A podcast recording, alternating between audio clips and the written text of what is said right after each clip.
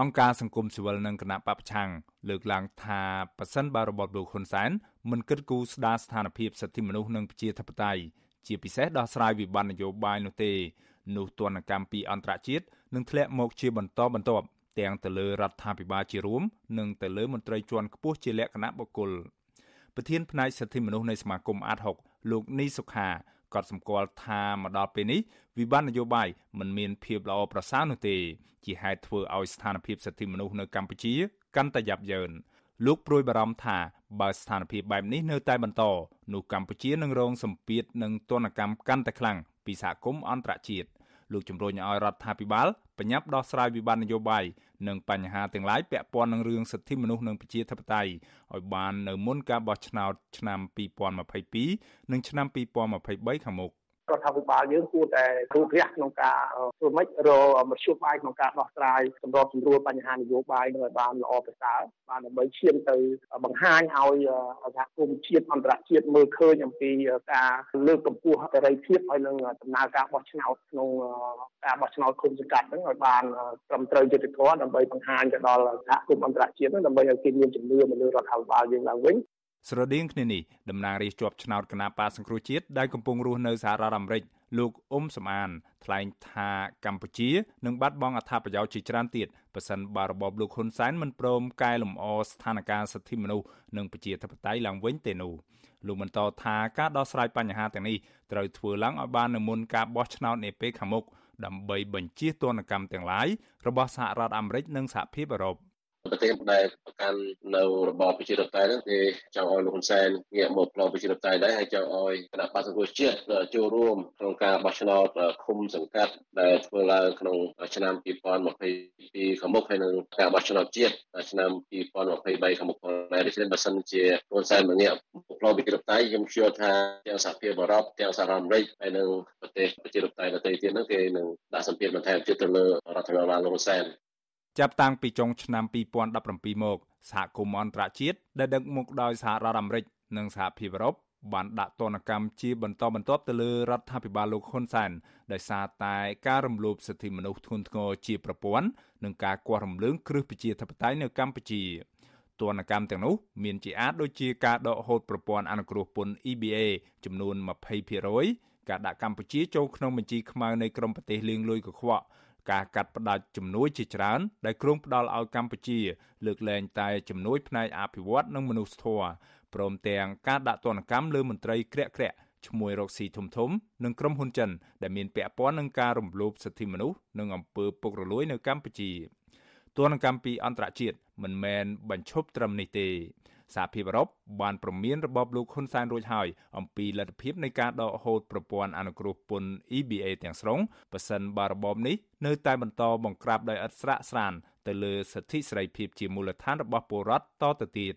ក្រៅពីនេះសហរដ្ឋអាមេរិកក៏នៅមិនទាន់បន្តសុពលភាពនៃកម្មវិធីអនុគ្រោះពន្ធទូទៅ GSP ដែលបានផុតកំណត់នៅដំណាច់ឆ្នាំ2020នោះនៅឡើយដែរ អាស៊ីសេរីមិនអាចតាក់ទងប្រធានអង្គភិបអ្នកណែនាំពាក្យរដ្ឋាភិបាល លោកផៃស៊ីផាននិងអ្នកណែនាំពាក្យគណៈបកប្រជាជនកម្ពុជា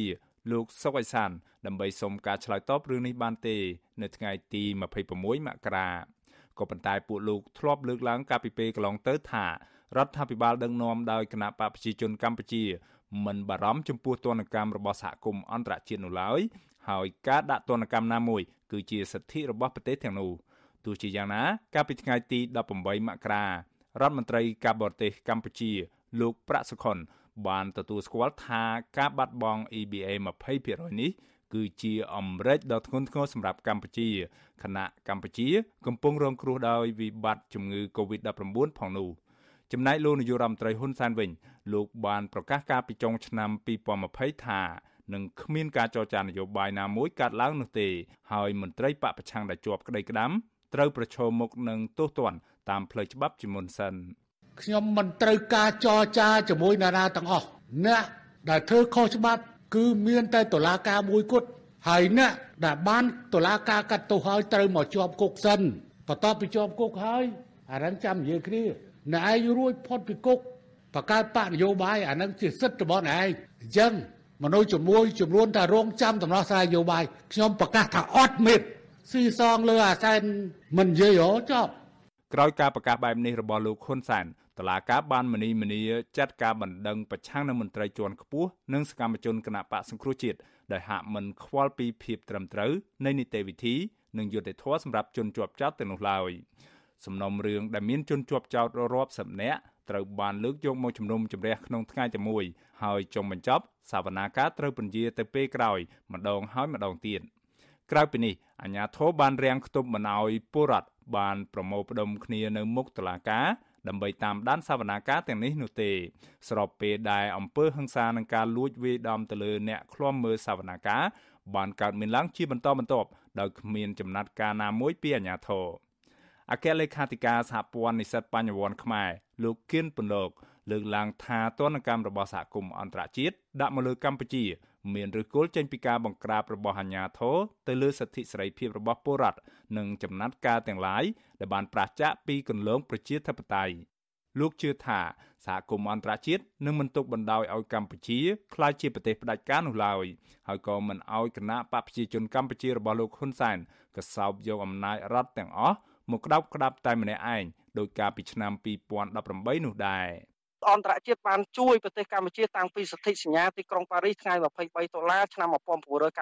មកម្លេះដើម្បីអីគឺដើម្បីចង់ឃើញប្រទេសកម្ពុជាដែលមានលទ្ធិប្រជាធិបតេយ្យនិងការគោរពសិទ្ធិមនុស្សពិតប្រាកដក៏ប៉ុន្តែប្រសិនបើរដ្ឋាភិបាលនៅតែមិនព្រមស្ដាប់អន្តរជាតិទៀតនោះទណ្ឌកម្មជាច្រើននឹងបន្តធ្លាក់មកទាំងទណ្ឌកម្មសេដ្ឋកិច្ចនិងទណ្ឌកម្មផ្នែកនយោបាយទៅលើបុគ្គលសំខាន់សំខាន់ដែលសម្រាប់ប្រជាធិបតេយ្យនៅក្នុងប្រទេសកម្ពុជា កាលពីចុងឆ្នាំ2020កន្លងទៅសហភាពអឺរ៉ុបបានអនុម័តជាផ្លូវការនៅសេចក្តីសម្រេចមួយដែលបើកផ្លូវឲ្យបណ្ដុំប្រទេសប្រជាធិបតេយ្យទាំងនេះ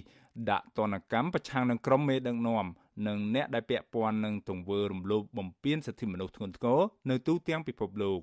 ក្រុមអ្នកសង្កេតការជឿថានៅពេលខាងមុខក្របខ័ណ្ឌថ្មីរបស់សហភាពអឺរ៉ុបនេះអាចនឹងត្រូវបានប្រើប្រាស់ ប្រឆាំងនឹងក្រុមមេដឹកនាំរបបក្រុងភ្នំពេញស្របពេលដែលទណ្ឌកម្មក្រមច្បាប់ Global Magnitsky Act របស់សហរដ្ឋអាមេរិកអាចនឹងត្រូវបានពង្រីកបន្ថែមទៀតប៉ះសិនបើរបបលោកហ៊ុនសែនមិនព្រមកែលម្អកំណត់ត្រាអាក្រក់ផ្នែកសិទ្ធិមនុស្សនោះទេ